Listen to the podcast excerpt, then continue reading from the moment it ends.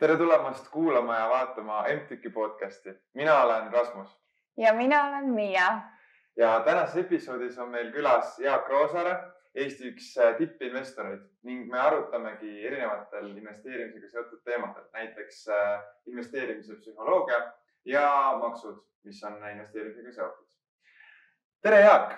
tere no sinu käest ei ole mõtet küsida, et kes sa oled ja kust sa tuled, vaid ma arvan, et kõik inimesed juba teavad, äh, millega sa tegeled. aga ma küsiksin sinu käest kõigepealt, et äh, millega sa oled viimase paari kuu jooksul tegelenud ja, ja kuidas sul läinud on? no läinud on hästi, mm, tegelen. kui sa nii kiirelt küsid, siis kõigepealt tulevad lapsed meelde, et lapsi magama saada õhtuti on suur, suur töö. ja siis ma mm, tegelen kinnisvararaamatu viimase lihviga, et juba, juba viis aastat lihvin seda aga nüüd on lõpp väga-väga lähedal. vajab täiustamist, selge.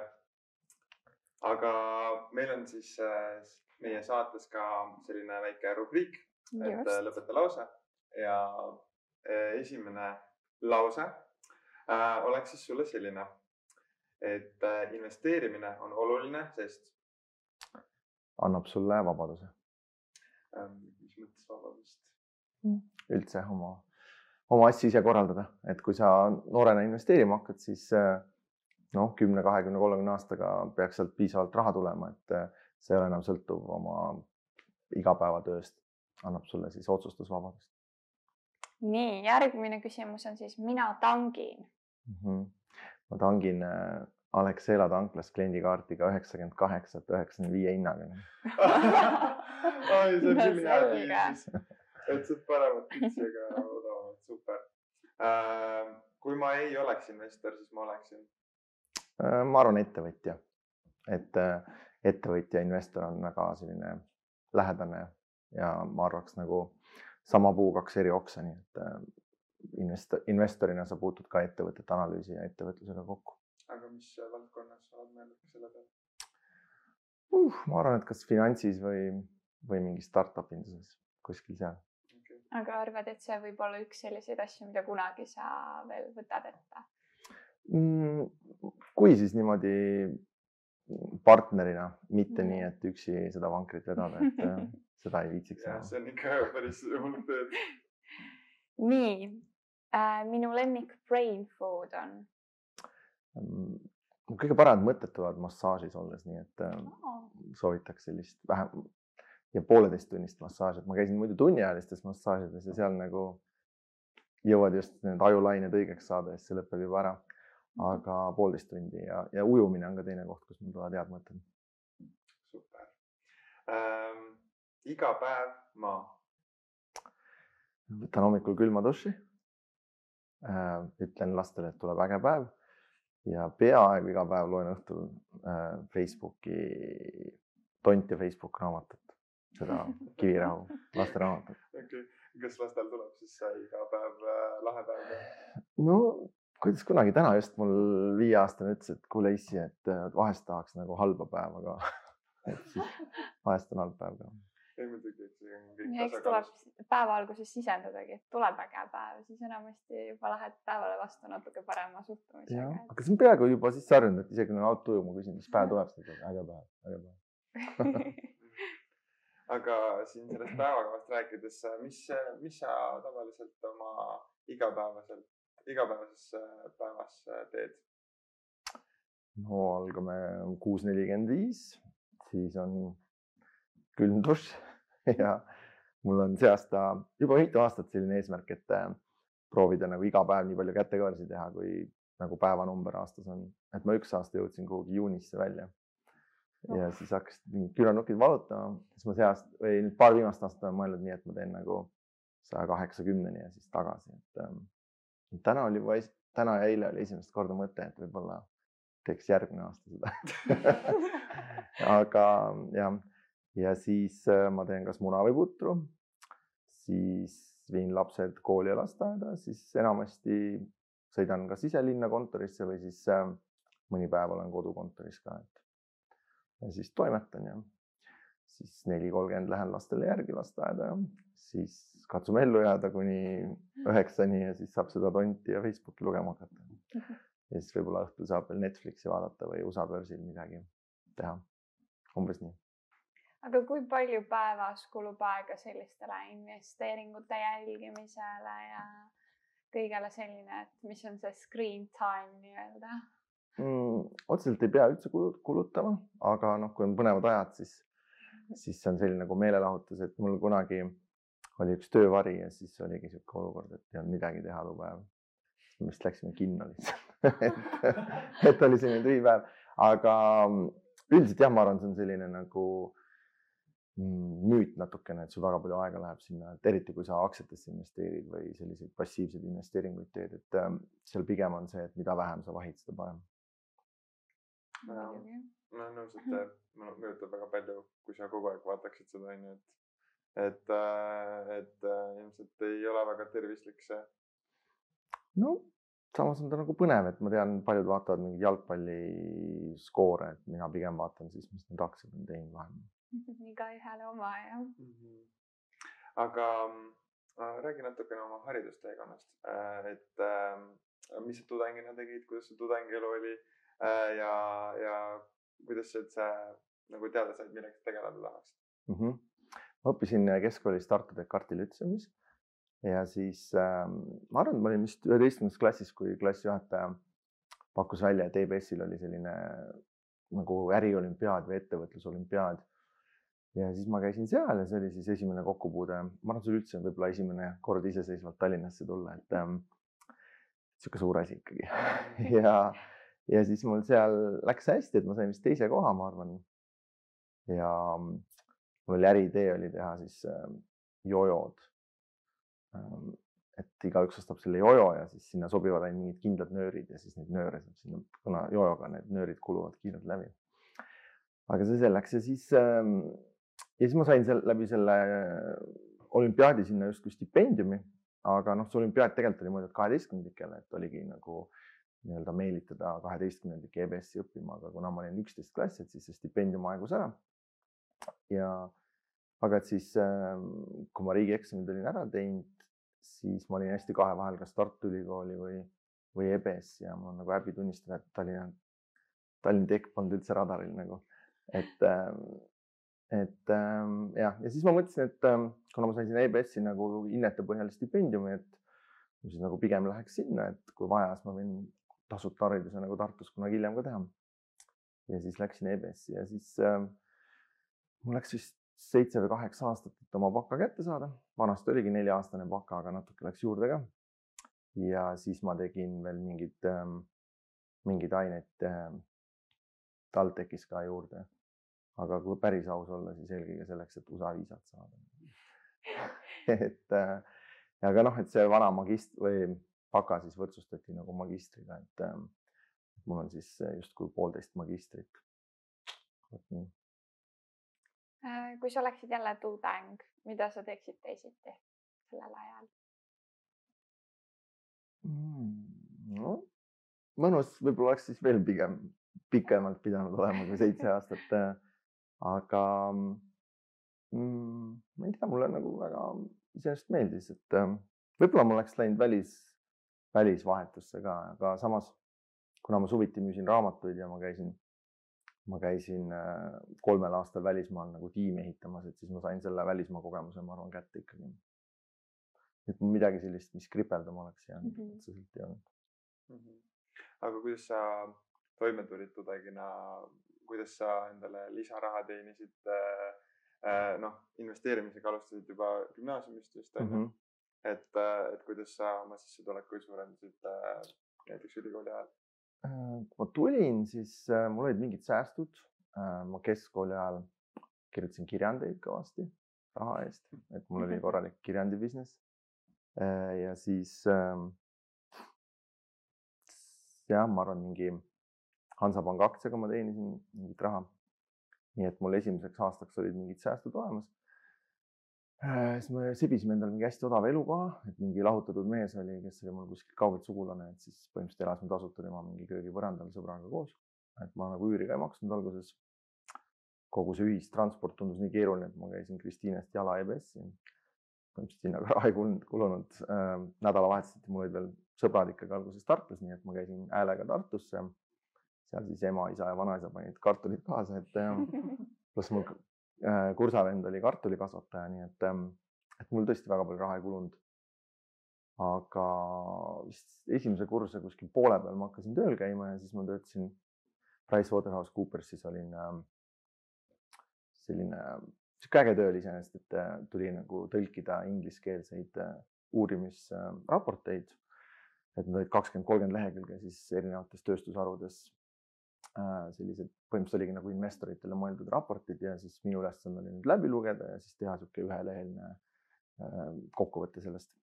ja, ja alguses ma töötasin kontoris, aga siis ähm, põhimõtteliselt jõuti järeldusele, et otseselt minu laua võiks kellelegi teisele ära anda, kellel on reaalselt vaja seda lauda, kuna noh, klientidega kohtumiseks. et kuna mina ise arvutis tegelesin sellega, siis ma sain sealt arvuti ja aastal kaks tuhat see oli nagu väga sihuke avangardistlik lähenemine, et sul oli tööandja sülearvuti kodus ja said kodus oma asja ajada. nii et, et see oli siis esimene töökoht ja ma sain justkui tükitööna, et mida rohkem ma vorpisin neid äh, aruandeid, siis seda iga aruande eest sain mingi raha. ja siis äh, pärast esimest kursust suvel ma käisin Euroopas reisimas, et see oli ka niisugune äge töö, et siis vorpisin neid aruandeid piisavalt valmis, et mul oli nagu neid ette tehtud, et siis ma sain reisi ajal pidin lihtsalt kaks-kolm tükki päevas nagu üles riputama netti neid. ja, ja siis äh,, aga noh, ma suutsin ikka rohkem kulutada, kui peale tuli suvel.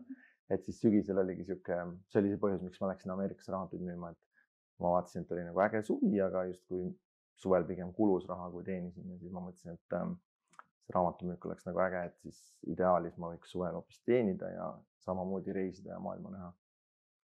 ja siis ma hakkasin raamatuid müüma ja noh, sellest saadik mul ei ole nagu kunagi äh, rahamuret olnud põhimõtteliselt ähm,. aga um, rääkisid siin sellest äh,, et äh, kuidas nii-öelda äh, sina toime tulid, ma mõtlen, et et vahepeal ikka tekib sihuke tunne, et, et noh, aega küll veel tahaks veel nautida seda tudengielu on ju ja ei, tahaks veel päris tööle minna, et, et, et kuidas sa leidsid endas selle motivatsiooni, et minna tööle? no minu jaoks see töö oli nagu mega äge, et ma sain sinna tegelikult läbi äh, ühe tuttava, et keskkooli ajal ma olin, äh, see oli vist kaksteist või üksteist klass ja ma tegin siis äh, ka sarnast tööd, et ma kirjutasin alguses Äripäevale ja siis ühele startup'ile ka selliseid börsiettevõtete mingeid tutvustuskokkuvõtteid. ja siis äh, startup'i tegija läks nagu ise sinna Pricewaterhouse'i tööle ja siis äh, justkui pakkus selle mulle välja ja soovitas sinna mind, et äh, ja noh, mul on kurb meel, et ma tema järgmisse startup'i tööle ei läinud, sest et see järgmine oli Transferwise, nii et oleks olnud, oleks olnud äge töökoht, aga aga, aga jah, et siis mulle see töö hästi meeldis ja mul ei olnud küll nagu muret, et ma peaks ennast motiveerima, et ma just mõtlesin, ma nagunii loeksin hea meelega ja, ja ta oli mõnes mõttes nagu äge, et sa pääsedki ligi sellisele research'ile, mis muidu ei olnud nagu noh, tasuta kättesaadav, et need raportid tegelikult maksid mitu tuhat dollarit, kui sa niisama tahtsid lugeda neid. nii et võib-olla soovitus tudengitele olekski see, et äh, katsu oma erialal mingi töö sebida ja noh, kui sulle see üldse ei meeldi, siis see on nagu hea sihuke warning sign või äh, hoiatus, et äh, järsku on vale eriala, on ju. et minu jaoks natukene oli seal see, et äh, ma tahtsin äh, ideaalis nagu investeerimispankuriks saada ja ma töötasin siis samas osakonnas. Pricewaterhouse'i, neil oli ka investeerimispanganduse niisugune haru ja siis ma seal nagu vaatasin, et vau, see ei olnud küll üldse see töö, mis ma arvasin, et, et suhteliselt igav töö oli see panganduse pool. aga kas on muidu olnud elus väga palju selliseid nii-öelda võimalusi, mida oled tagasi mõtlema jäänud, et ai, oleks võinud ikka teisiti teha või asju, mida veel kahetsed mm? -hmm. mul on paar sellist suurt äh, ristteed olnud, et äh, üks oli see, et ma ei saanud SSRIA-sse sisse, et ma nagu väga-väga tahtsin sinna Stockholmi Riia kooli õppima saada. ma juba kuidagi visualiseerisin, ma õpin seal, mul olid need, nende ajalehed olid juba sebitud ja ma ei tea, miks, aga ma olin nagu hästi äh, müüdud sellest ja, ja siis ma põrusin seal matemaatikaeksamis ja, ja see oli üldse hästi raske, et äh, ma põrusin äh, seal eksamis, siis äh, autokoolis ja siis ma arvasin, et riigieksamid läksid ka nihu, et see kaksteist klassi lõpp oli, ma arvan, üks sihuke stressirikkamaid aegu, et ülikool oli ikka väga lebo sellega kõrval, kõrval ähm,. ja siis ähm, see otsus, et ma siis EBS-i läksin, oli, oli, ma arvan, noh, mõjutas palju. ja, ja teine selline, noh, teine siis oli see, et ma sattusin Ameerikasse raamatuid müüma, ma arvan, hästi palju mõjutas, et ma oma abikaasaga sain seal tuttavaks ja kõik mu tänased sõbrad, või no mitte kõik, aga suur osa äripartneritest on, on sealt pärit. ja, ja siis seal raamatumüügis oli kusagil, ma arvan, ma olin kuus-seitse aastat seal toimetanud ja siis oli ka selline risttee, et äh, ma nagu poolnaljaga kandideerisin Procter ja Gamble'i. Neil oli niisugune programm, kus siis, siis ma olin veel ise ülikoolis, et oligi nagu viimase aasta üliõpilastele ähm, selline nagu praktika või stipendiumilaadne toode, et ähm, nad põhimõtteliselt lennutasid su Šveitsi kaheks nädalaks ja siis seal oli selline ähm, natuke nagu Harvardi stiilis case study'de lahendamine. ja, ja sinna siis Baltikumist oli nagu üks koht ja minu meelest põhimõtteliselt maailma peale kokku oli vist mingi kaksteist kohta, et sihuke hästi suur konkurss oli sinna. ja siis ma käisin kolmes riigis intervjuudel. Äh, lõpuks ma sain sinna koha ja siis, ähm, ja siis äh, minu see müügijuht seal Southwesternis siis justkui sai aru, et, et kui ma juba sinna lähen, siis on ka nagu selle Southwesterniga ühel pool, et noh, tegelikult oli niisugune värbamisüritusena nagu mõeldud, et wine and dine on ja siis lähed nagu sinna tööle ka. ja, ja siis äh, ma pidasin temaga seal paaritunnise niisuguse PC või läbi või noh, nagu vestluse, et ähm, mulle siis, ta müüs mulle, suutis mulle ära müüa selle idee, et kuna peamine põhjus, miks mind taheti sinna, oli see Southwesterni kogemus ja just see, et ma olin seal äh, välismaal tiime kokku pannud. et siis äh, on ikkagi nagu targem olla selles ettevõttes, mille kogemust hästi hinnatakse, kui minna kuhugi ettevõttesse nii-öelda üle. ja siis ma otsustasin ikkagi, et ma ei lähe sinna ja lasin siis selle Šveitsi reisi õhku ja siis äh, tegin Southwesternis karjääri edasi, nii et see oli, ma arvan, et kui ma oleks sinna läinud, siis oleks elu hoopis teistmoodi kulgenud. Olgu, aga liigume nüüd edasi põhiteemade juurde mm, -hmm. investeerimise juurde, äh, mis meile kõigile väga meeldib tänapäeval, eriti eestlastele.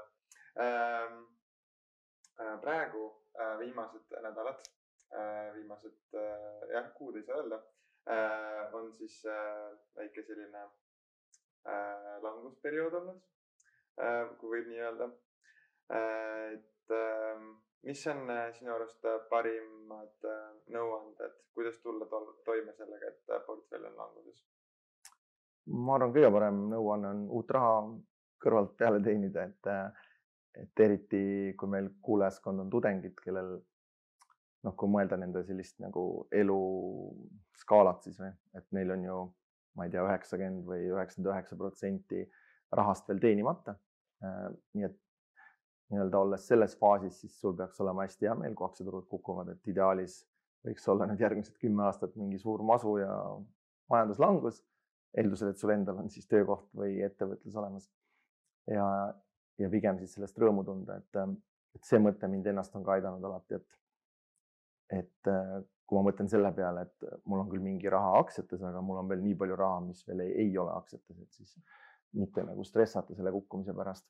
Et ma arvan, et kui sa oled selles kategoorias, et sul tuleb uut raha peale, et siis ei ole mõtet nagu mingit turgu üritada ajastada ja proovida, proovida sealt oma olemasolevaid investeeringuid ära müüa. noh, kui just ei ole nagu nii, et sa oled oma elamisraha ja ma ei tea, isalt laenatud raha sinna mhm. sisse pannud, et siis võib-olla peaks natuke riske vähendama aga kas see praegune turuolukord on langev või, või, või mis sinu seisukoht on selle koha pealt mm.? No ega seda kunagi ju päris täpselt ei tea, aga ma olen ise, ma arvan, natuke üle aasta, aasta tagasi käisin suusatamas ja siis kuulasin ühte podcast'i Jeremy Granthamiga. et ma ei tea, kui teil on mingid show node'id, siis ma võin selle lingi pärast sinna anda.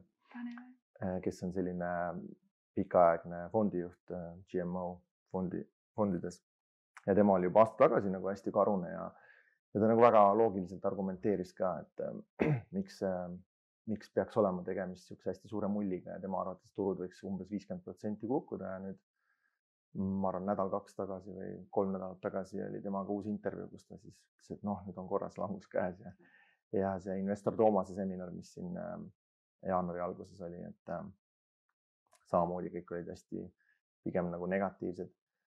Aga mis selle vastuargument on see, et äh, nii palju uut raha on tekitatud juurde vahepeal, et et noh, mul on nagu raske uskuda, et need langused nii suured peaks olema, et minu arust just hiljuti tuli uudis, et Eestis eelmine aasta tuli kaks miljardit juurde inimestele kontole, et, ähm, et eriti Baltikumis ühelt poolt on nagu hästi selline need nii-öelda tüüptegurid, et äh, palju uusi investoreid. Äh, Kristi Saare minu raamatud on kuskil müügitopis on ju, selle asemel, et äh, astroloogilisi abimehi osta.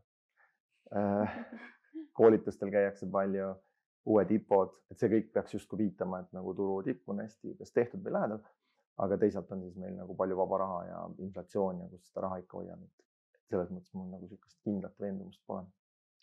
aga kuidas sa üldiselt ise hindaksid, kas viimased aastad on pigem olnud selliselt üllatuslikult liiga optimistlikud investeerimise mõttes, et hästi palju on tulnud tõesti nagu inimesed hakanud selle valdkonnaga rohkem tegelema ja seda huvi kindlasti viimastel aastatel üles kerkinud mm. -hmm. no väga põnev tore aeg on olnud jah, et ma arvan, et äh, ma kunagi vist blogis ka kirjutasin, et kui see koroonakriis oli, et siis, et kui keegi oleks seal kaks tuhat kakskümmend märtsis öelnud, et mingi kuue kuu pärast turud on kõrgemad kui nagu praegu on ju, et ei oleks iial uskunud või see, et nafta läheb miinusesse. Tundus päris huvitav, et ma olin sellel samal päeval nagu jälgisin turge, et see oli äge vaadata, kuidas see nafta seal kümne pealt läks mingi miinus kahekümne peale. Ehm, ja et nüüd on kuskil saja peal uuesti on ju aga on nagu hästi helded aastad olnud, aga kes on graafikuid vaadanud, et ta on suhteliselt korrelatsioonis olnud selle rahatrükiga, et selles mõttes äh, võib-olla, et see heldus tuligi nagu keskpankadest. aga see, et palju uusi investoreid on, noh, see on, ma arvan, kindlasti hea, et äh, lihtsalt võib-olla ongi uutel investoritel natuke liiga lihtne olnud, et äh, kui mina olen ka noortega kokku puutunud, siis neil enamasti ongi portfellis kas krüptod või, või sellised suhteliselt agressiivsed kasvuaktsiad, millel on hästi-hästi, väga hästi läinud aga nüüd eelmise aasta keskel lõpus äh, turg veidi pöördus, on ju, et nüüd paljud need kiired kasvuaktsiad on seal miinus viiskümmend protsenti. et siis ei juhtuks seda, et, et keegi alustas eelmine aasta investeerimisega, põletas pool portfelli ära ja siis nüüd üldse enam kunagi ei taha tegeleda, et et ma usun, et investeerimises kõige olulisem otsus on see, et sa juba otsustad, et kui ma, või noh, et ma investeerin terve elu. et siis ei ole väga vahet, mis sul esimesel aastal juhtub seal. jah, jah, et äh, ega lühikeselt väga, väga pikalt ei põleta mm. -hmm. et äh, jah, eks ta kipub minema, aga äh, just nende uute väikeinvestorite turule tuleku poole pealt, et kas, kas sa näed selles nagu ohtu või just võimalust raha teenida? Sa mõtled neile või, või nende arvelt? ma mõtlen jah, nagu, et sinu vaatenurgast, et oh., et kas see uute investorite tulek on olnud nagu ohtlik no, või? see on nagu kahtepidi ja et äh, mõnes mõttes see on siis nagu värske raha, raha, mis pokkerilauda tuuakse, on ju, et see on nagu tore. Ähm, aga ma arvan, paljud, äh, eriti USA turgudel, paljud investorid, kes on justkui eksperdid, on nagu äh, pigem nagu kaotanud sellest, et nad on panustanud nende, no näiteks need meemiaktsiad, mis USA-s olid, AMC ja GameStop, kus siis ühegi ratsionaalse argumendiga ei oleks olnud võimalik nagu põhjendada, miks nad sellise hinna peal on eksperdid müüsid neid lühikeseks ja siis äh, YOLO investorid ostsid need veel ülesse ja lõpuks eksperdid pidid nagu alla vanduma. et ähm, kuna Eestis ei saa lühikeseks müüa, et siis Eestis nagu otseselt ähm, midagi kaotada selles mõttes ei ole uutest investoritest, et ähm, sa võib-olla lihtsalt jätad osa raha lauda, et noh, ma vaatan, et mingi aktsia on juba ülehinnatud, müün oma aktsiad maha, mõtlen, et ähm, teoorias ma peaksin saama seda odavamalt kunagi osta, aga kuna uusi investoreid ja raha tuleb peale, siis see aktsia ei olegi kunagi enam odavamaks läinud, et aga jah, ma arvan, et kokkuvõttes on see ikka positiivne, et muidu see raha läheks kuhugi tarbimisse. aga kuidas sa ise üldse, kas sa pigem lähtud emotsioon, emotsioonidest või kui me räägime nüüd investeerimisest, et lähtud nii-öelda kõhutundest või pigem tegeledki sellise pikaldase analüüsimisega ja uurid kõiki erinevaid näitajaid ja kaalutled pikalt, et kas tasub ära või mitte? pigem ikka kõhutunne et ähm, siin peab ka nagu eristama, et ma tegelikult ähm, noh, toimetan nagu kolmes valdkonnas, et on aktsiad, kinnisvara ja laenud. ja ma ütleks, et äh, aktsiad on kõige rohkem selline nagu meelelahutus või kõhutunde teema, et ähm, et keegi mainis seal investe-, investor Toomase konverentsil seda ideed, et kui sa hakkad nagu tarbijana mingit uut toodet kasutama, et siis vaata, kas seda ettevõtte aktsiaid on võimalik osta. ja kui on, et siis vähemalt sama summa, mis sa nagu tarbijana paned selle asja tootesse, osta selle ettevõtte aktsiaid ka. et kui sa hakkad mõtlema oma tarbimisajaloo peale, et siis see tegelikult on hästi edukas strateegia olnud, sest enamasti sa ostsid kunagi kas Apple'i telefoni või, või Samsungi telefoni või siis hakkasid Netflixi kasutama, tellisid Amazonist, nii edasi. et, et ma arvan, et see on olnud üks minu, minu selline strateegia ka. Ehm, ja siis lihtsalt äh, on mingid ettevõtted, mis mulle on nagu meeldinud, noh, eelkõige Warren Buffetti see Berkshire Hathaway, mille, mille raporteid ma olen lugenud ja et ma üritan siis ettevõtete puhul ka vaadata rohkem nagu mitte aktsiakauplejana, vaid rohkem nagu äh, peaaegu siis sellise ettevõtte omanikuna või et äh, kas ma tahaksin selle ettevõtte omanik olla. tegelikult väga hea tipp, kui selline asi. jah, see on nagu lihtne vaata, et äh, koolis räägitakse ju fundamentaalanalüüsid yeah., värgid-särgid, et aga siis on nagu mhm. vahepeal vist ongi hea nagu jälle võtta samm tagasi, et, et mitte liiga keeruliseks seda asja ajada, eriti nagu tänapäeva turgudel. nojah, sest et see fundamentaalanalüüs on nagu kõigile kättesaadav ja ilmselt keegi teeb seda paremini kui meie, nii et, et ma arvan, suurte firmade puhul see mingit olulist äh, eelist nagu ei anna. Ähm, küll aga, kui on mingid erakordsed ajad, et noh, näiteks ähm, kaks tuhat kümme, kui ma ostsin Läti börsilt mingeid aktsiaid, et siis seal oli nii, et et tänu sellele analüüsile sul oli võimalik noh, leida aktsiaid, kus oli nagu suhteliselt raske kaotada, aga see põhjus, miks nii oli, oli see, et fondid olid sunnitud aktsiaturul nagu hästi alla müüma, et siis seal lihtsalt oli hästi häid võimalusi. vahest juhtub mm.. Ähm, mina küsiksin seda, et ähm, mis on sinu kõige halvem investeering ja kõige parem investeering mm? -hmm. ja mis see story behind it oli? Äh, rahaliselt sa mõtled jah? kas ja, sa mõtled ja. tootluse protsenti või absoluutrahasummat? Äh, tootlus vist on mõistlikum, ma arvan mm. -hmm. no tootluse poolest ähm, kõige halvem tehing on mul äh, Tesla aktsiate lühikeseks müük. et äh, seal ma sain äh, miinus, ma ei tea, kuidas seda sõideti arvutada, aga mingi miinus kolmsada protsenti või midagi säärast. ehk siis kui sa lühikeseks müüd, siis sa saad alguses raha kätte ja hiljem pead siis need aktsiad justkui turult tagasi ostma selle raha eest, aga kui, kui selle aktsia hind vahepeal tõuseb, siis sul on vaja raha juurde panna sinna projekti, et et kui muidu üldiselt investeerimisest sa saad kaotada selle raha, mis sa sisse panid, et siis kui sa spekuleerid ja lühikeseks müüd, et siis sa võid rohkem ka kaotada ja, ja mina siis võtsin sealt nagu välja vist kuuskümmend tuhat eurot ja pidin pärast sisse panema sada kakskümmend tuhat eurot. Või isegi rohkem, midagi säärast. ehk siis ähm, noh, nagu arvestades jah, et ähm, nii-öelda alguses ma ise midagi sisse ei pannud ja lõpuks pidin panema kuuskümmend või rohkem tuhat sisse, et siis see on nagu niisugune mõnes mõttes lõputu kaotus ja protsentuaalselt kõige parem tehing. Ehm, ma arvan, et äh, üks võis olla Hansapanga aktsia kunagi, aga kuna siis mul oli SEB-s kontos, ma isegi ei tea või ei mäleta, mis need summad seal võisid olla.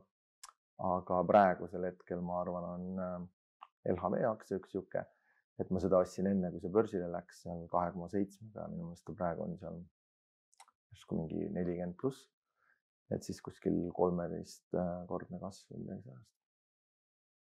aga kas neid, kui sa oled näinud nagu mingeid mm, märke või, või mingeid ähm, jah, märke, et, et kuskil, kuskilt kohast on nagu parem neid kasve püüda või noh, näiteks, näiteks kas siis aktsiaturud või, või IPO-d või, või siis äh, mingi teine varaklass?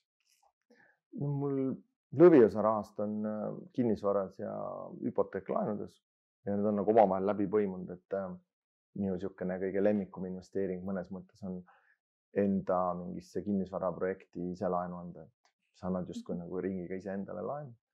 Ähm, ja siis ähm, jah, ütleme, et kuna mul selline üldine eesmärk on umbes kaksteist protsenti aastas äh, vara kasvatada, et siis kui need laenuintressid on seal ongi kaksteist kuni kaheksateist protsenti. et siis ma praegusel hetkel tunnen seal nagu ennast kindlamalt kui aktsiaturgudel, et ähm, ma ei usu, et aktsiaturgudel lähema mingi viie aasta keskmine nii, nii kõrge saaks olla. Ähm, kui just ei ole niisugust üldist suurt inflatsiooni, et ähm, noh, siis läheb nagu kõik kallimaks. aga noh, IPO-d on iseenesest olnud jah, selline, ma ütleks, et kuni selle aasta alguseni suhteliselt niisugune kindla peale minek mis mõttes selle aasta alguses, mis sa silmastad sellega? noh, nüüd on nagu see sentiment muutunud, et ma arvan, et võib-olla see praegu on, ma arvan, kui see eetrisse läheb, see on vist Aeroboti IPO juba lukus, aga, aga algas Enefit Greeniga laias laastus, et ähm, Enefit Green oli selline, noh, kui mina üldse alustasin, minu esimene tehing oli Eesti Telekomi IPO et see tuli otse sealt Seppo Saare raamatust, kus oli kirjas, et kui riik erastab, siis osta aktsiaid ja siis see oli minu selline esimene investeering. Ja see Enefit Green oli väga sarnane, justkui nagu koopia sellest, et siis ähm, noh, sinna ma läksin suurelt sisse, oleksin veel suuremalt minna, et oli suht kindel, et see läheb edukalt. ja Hepsor, ma arvan samamoodi. et äh, aga noh, seal oli mureks see, et isegi kui sa väga suurelt märkisid, sa said ikkagi hästi vähe neid aktsiaid et kui nagu vaadata mitte absu-, mitte protsent, protsenttootlust, vaid niisugust absoluutset tootlust, siis ähm, noh, kõige edukamad on sellised tehingud, kus sul on nagu suurt mahtu ka võimalik teha, et need tavaliselt on just siis, kui on mingi langusperiood turgudel, kui me Baltikumi turgudest räägime.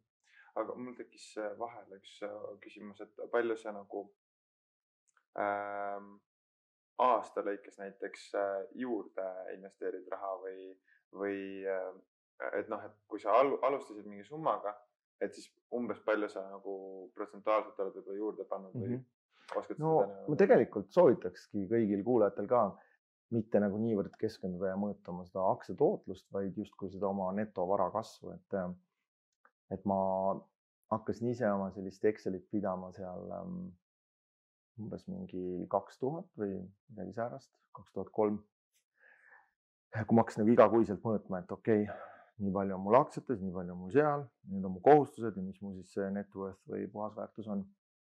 ja, ja ma arvan, esimesed kümme-viisteist aastat ikkagi lõviosa kasvust tuleb sellest, et sa paned uut raha peale või sul jääb justkui raha üle on ju sissetulekutest.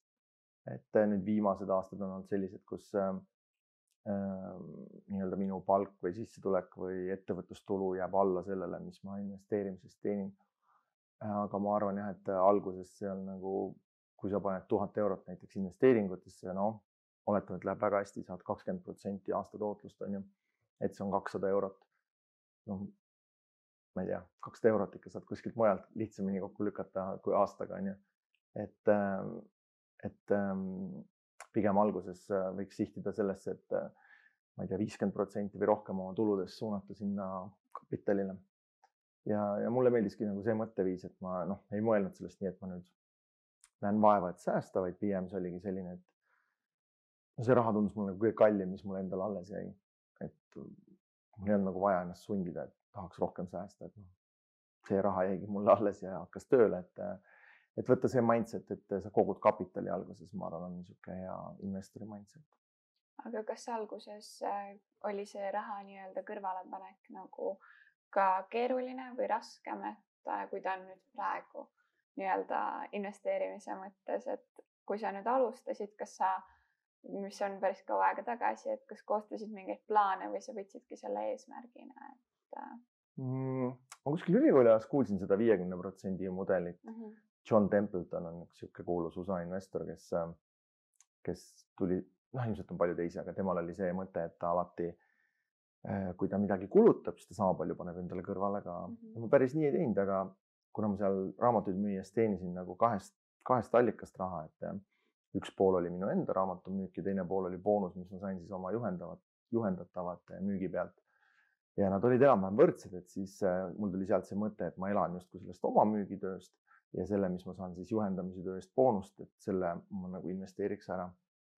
ja et sealt tuli minu jaoks see viiekümne protsendi mõte.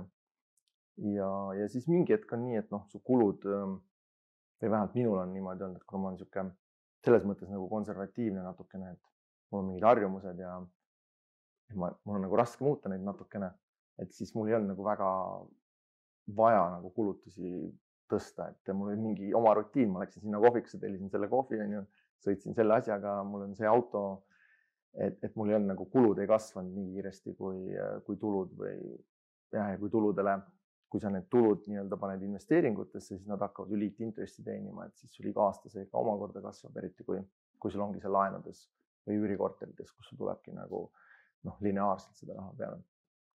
et selles mõttes mul nagu otseselt raske ei olnud säästa kunagi aga me teame seda, et äh, meile kõigile meeldib raha teenida, raha juurde saada, aga siis üks hetk tekib nagu see koht, et, et riik tuleb ette ja ütleb, et nii, me tahame ka nüüd oma osa saada. ja, ja siis tekivadki küsimused, et äh, äh, kuidas äh, kuidas me saaksime võimalikult palju kätte ise raha, aga nii, et riik oleks ka rahul. ma just mõtlesin, et te kutsusite mind maksudest rääkima, et ma ei ole sellel teemal üldse väga tark. et mul enamus asju teeb raamatupidaja, kui päris aus olla. et ähm, kui sa nii küsid, ma, ma olen kuulnud, et üks kaval viis on see, et tudengid abielluvad omavahel see on, ma olen ka kuulnud seda jah ja,. ma isegi näinud ühte tudengit, kes mulle ütles, et ta abiellus. aga noh, et selliseid mingeid lükkeid ja skeeme on, ma arvan, palju äh,. niimoodi üldises pildis rääkida, siis äh, ma arvan, igalühel, kes plaanib äh, rahaliselt nagu enam-vähem üle keskmise jõuda kuhugi välja, oleks mõistlik oma ettevõte teha varem või hiljem. Et äh, aktsiad on nagu ainuke varaklass, kuhu saab eraisikuna ka mõistlikult investeerida, aga laenud või, või mingid iduinvesteeringud või kinnisvara on puhas nagu ettevõtte teema ja Eestis see Äh, ettevõtte süsteem, et sa ei pea kohe tulumaksu maksma, vaid alles siis, kui sa sealt raha välja võtad. et noh, see iseenesest on hästi maksuefektiivne, et äh, mina pole siiani kunagi endale veel dividendi maksnud, on ju, et ma tegin endale esimese ettevõtte, ma arvan. noh, kuskil kaks tuhat, ma arvan kuus ehk siis sellest on mingi viisteist aastat möödas, on ju. Äh, et kui ma alustasin, siis selle ettevõtte see nii-öelda algkapital oli nelikümmend tuhat krooni, et see on see kaks tuhat viissada eurot.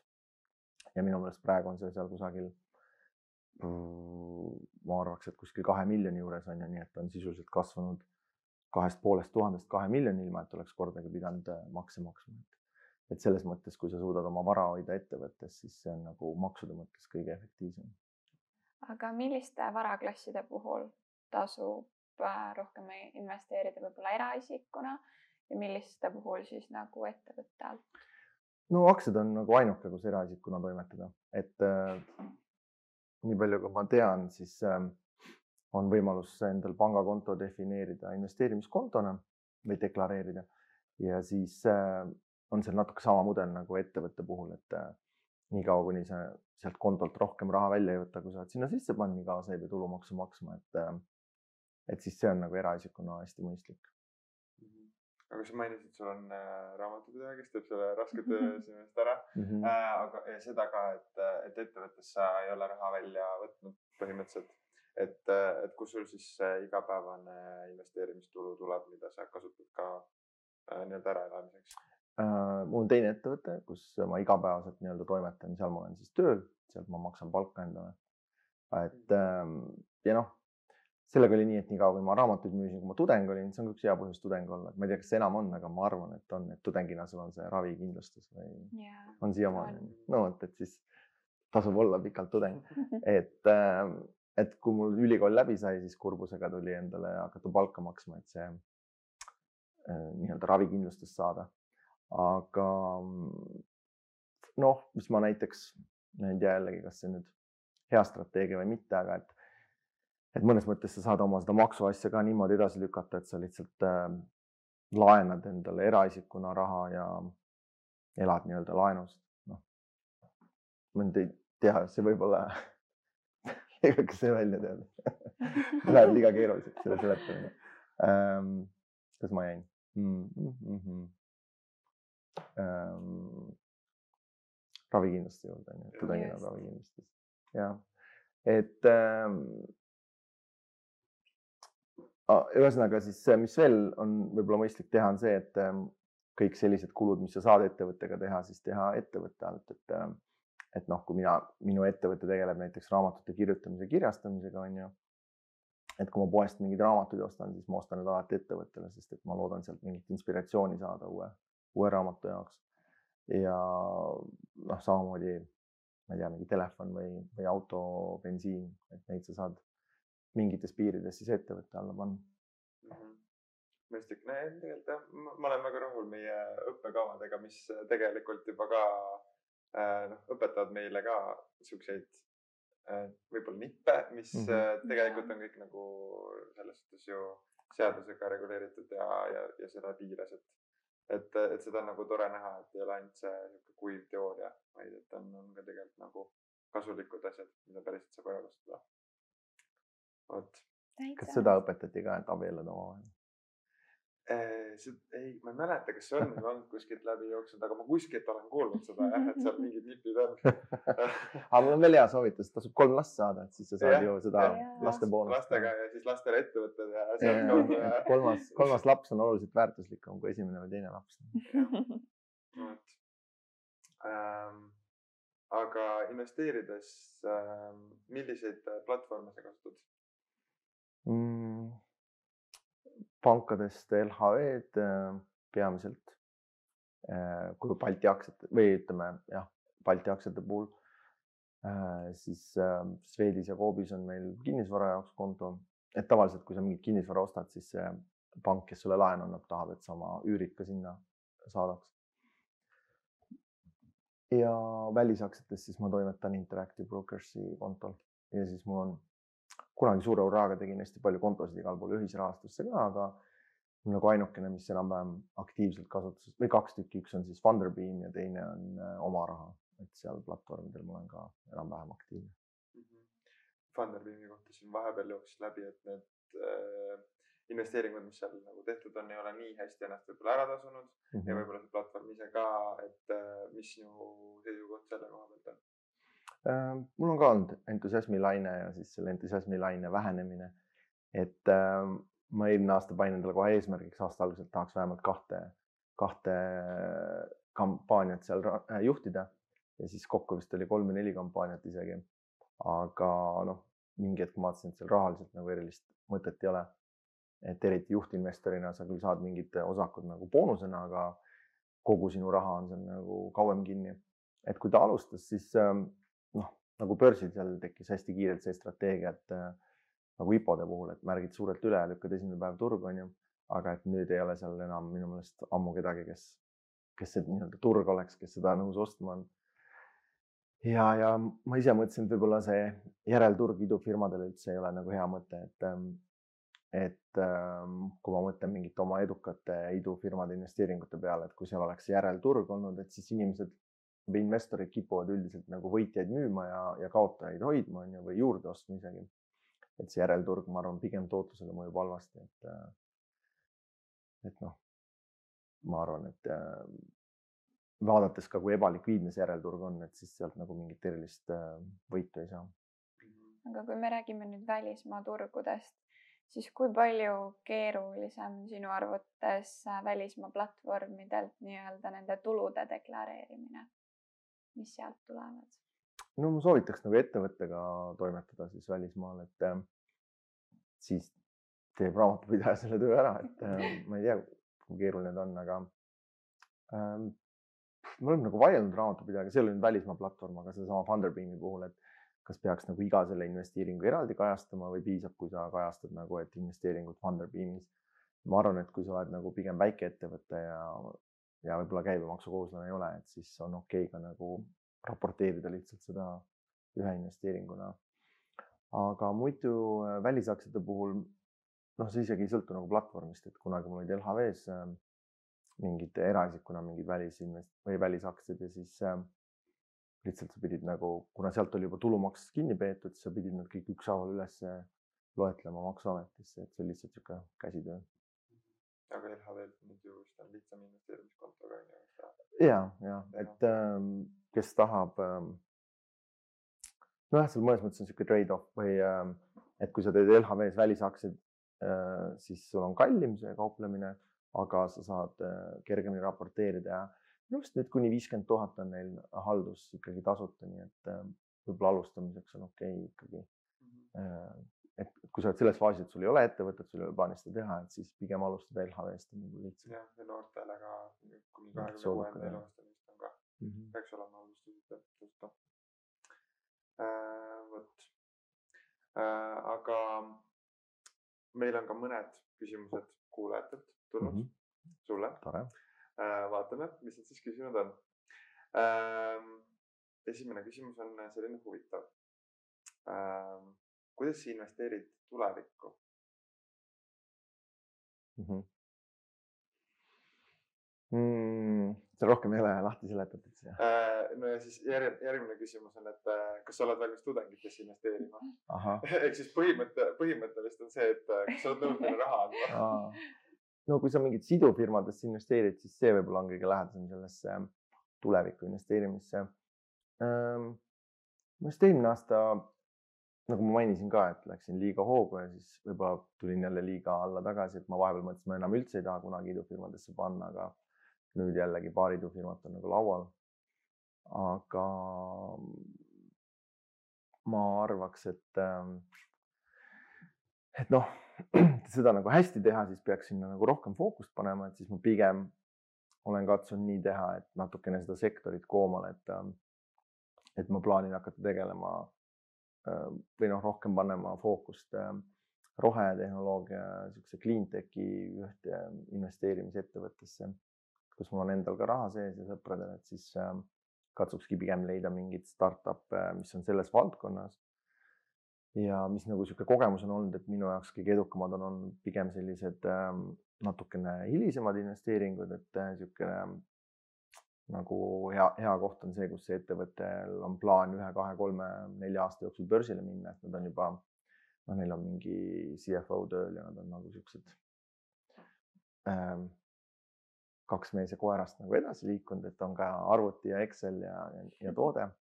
et, pigem sinna investeerida ja siis võib-olla natukene suuremas raundis, et need on meil olnud edukamad, et ähm, pigem nii -hmm. no ja tegelikult minu arust see, et sa käid rääkimas äh, investeerimisest ja, ja võib-olla avardad inimeste silmaringi, minu arust see on ka nagu selline mm -hmm. tulevikku vaatav või, või noh, niisugune tänuväärne töö mm. -hmm. kindlasti mm. -hmm.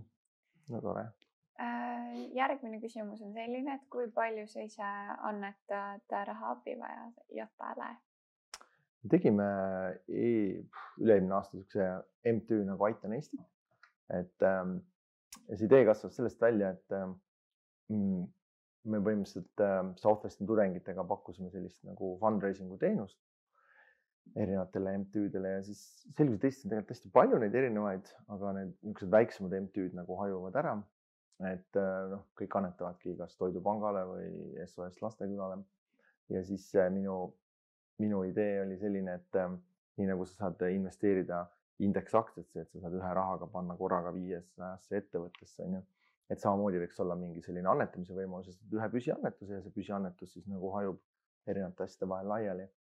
ja siis me tegimegi niisuguse ettevõtmise nagu Aitan Eestit, seal on praegu seitseteist erinevat äh, MTÜ-d, et äh, ma arvan, vist sada eurot kuus see püsiannetus ja siis see jaguneb nagu iga kuu sinna vahele ähm,. aga ma natukene, mulle meeldib see Warren Buffetti mõte, et ähm, et tema nagu pikalt lükkas oma heategemist nii edasi, et äh, kasvatada oma raha, et siis kunagi tulevikus saad veel rohkem head teha, et ma natuke samas koolkonnas. selge äh,. siis selline küsimus, et äh, kas äh, rahajagu tiitel jääb püsima või kardad, et uued tulijad tõukavad su varsti troonilt? ma loodan, et see on ikka rändeauhind, et saab edasi anda kellelegi et siis äh, järgmine on raha Indrek, Raha, Madis ja, ja, ja Raha Miia, miks mitte. umbes nii. jah, see, see oleks muidugi lahe, et, et, et see liigub edasi nagu rändkarikas. järgmiseks on küsitud ühte raamatu, ühte podcast'i ja ühte filmi soovitust sinult.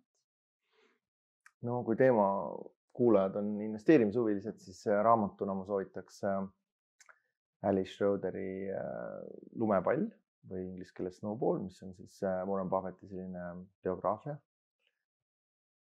ja kui see sind kõnetab, siis äh, netis on kõik Warren Buffetti kirjad ka kättesaadavad, et äh, mina õppisin nendest, ma arvan, kõige rohkem investeerimise kohta, et ähm, kui ma ülikooli läksin EBS-i, siis esimesel kursusel ma sattusin neid lugema, ma ei saanud muhvigi aru nendest. ja siis ma mõtlesin, panin endale sellise eesmärgi, et kui ma nüüd ülikooli lõpetan, siis ma võiks nagu aru saada sellest Warren Buffetti kirjadest ja, ja noh, umbes nii läkski, et sain nagu keelt paremaks, sain sisust aru rohkem, nii et, et see on niisugune õppetund ähm,. see oli podcast jah? just ähm,. Hmm, noh, ma arvan, ühte võib-olla on raske valida, aga ma ise kõige rohkem kuulan CNBC podcast'e lihtsalt, seal on põhimõtteliselt need teleka show'd nagu podcast'i formaati pandud et aga see on niisugune nagu meelelahutuslik, et iga hommik, kui ma tööle sõidan, on nelikümmend viis minutit um,. Eesti keeles uh, võib-olla see raha või investeerimisraadio võib järgi kuulata kõik episoodid, et ma arvan, mul on väga raske mingit ühte podcast'i öelda, et et ma pigem ütleks jah, et mingid esinejad, kes, kes käivad erinevates podcast'ides, sama Jeremy Granthami esinemine oli näiteks väga hea. Ja mis seal oli, film? film, just mm,. no ma just hiljuti vaatasin seda Big Shorti uuesti, mis on siis äh, sellest kahe tuhande kaheksanda, üheksanda aasta kriisist tehtud, et ma arvan, see on niisugune tore film, mida, äh, mida vaadata mm -hmm.. okei okay. uh,, jah, see Big Short ma ise vaadanud, see on väga hea film. Ja siis uh, kõik need Jaagu soovitused paneme siis alla kirjeldus. tead, mul tuli meelde veel, Warren Buffettist on ka äge film tehtud, Youtube'is on saadaval. Warren Buffett dokumentari on nii, et äh, sisuliselt, kui ei viitsi lugeda seda tuhandelehelist Snowballi, siis võib selle filmi vaadata lihtsalt. Cool. nii äh, ja siis meil on selline traditsiooniline miljoni küsimus ja sinult me küsime seda natukene teistmoodi, muidu me küsiksime, et äh, kui sul oleks miljon, mis sa sellega teeksid, aga sinult me küsime seda niimoodi, et kui sul oleks olnud tudengina miljon eurot, siis mis sa selle miljoniga teinud oleksid? tudengina või? just mm.. ma arvan, et ma oleks selle ära investeerinud kuhugi suure tõenäosusega ähm,. Võib-olla kui oleks nagu nii-öelda, ma mõnes mõttes oma tudengikarjääri jagaks nagu kaheks, et oli nagu esimene kursus ja siis kõik, mis pärast seda tuli. et esimesel kursusel ma arvan, ma oleks päris palju laiaks ka löönud ikkagi.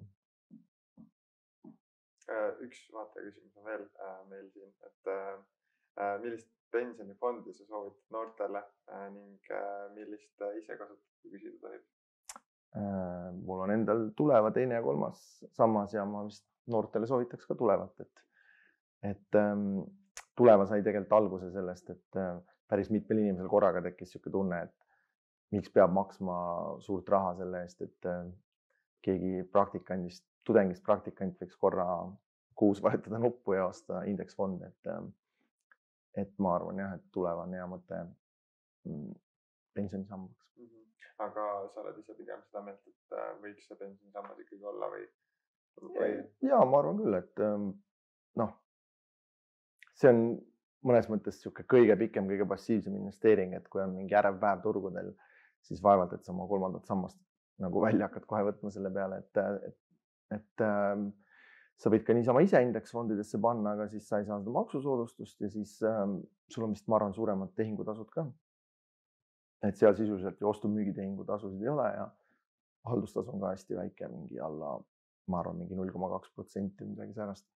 et äh, ma usun jah, et see teine-kolmas sammas võiks kõigil olla nagu niisugune vundament, et äh, kunagi ülikooli ajal ma tegin, maksin ise oma ema teis, ja isa teise-kolmanda samba selle mõttega, et äh, kui nemad saavad äh, viiskümmend viis, siis cash ime välja ja teeme tulumaksu vahelt. vot äh,, aga suur aitäh sulle, et Palun. sa tulid aitäh, meile kutsumas. nendest äh, teemadest täna rääkima ja meil on sulle ka väike kingitus kirjastajalt Helios äh,, kes siis äh, valivad meie külalistele iga kord äh, raamatu ja täna on sulle välja pannud sellise raamatu nagu Mõtle nagu munk mm. -hmm. Samuti täname Devinit kes kostitab meid looduslike mineraalvetega. Filmiklubi, kes on meil siin aidanud seda asja üles võtta. siis ka Mektorit, kes pakub siis meile kohta, kus salvestada. Ja loomulikult minu lemmikud Peetri Pitsat, kes siis hoiab meil pikkadel salvestuspäevadel kõhu täis. sellised teemad olid siis täna. näeme järgmine kord. tšau. tšau.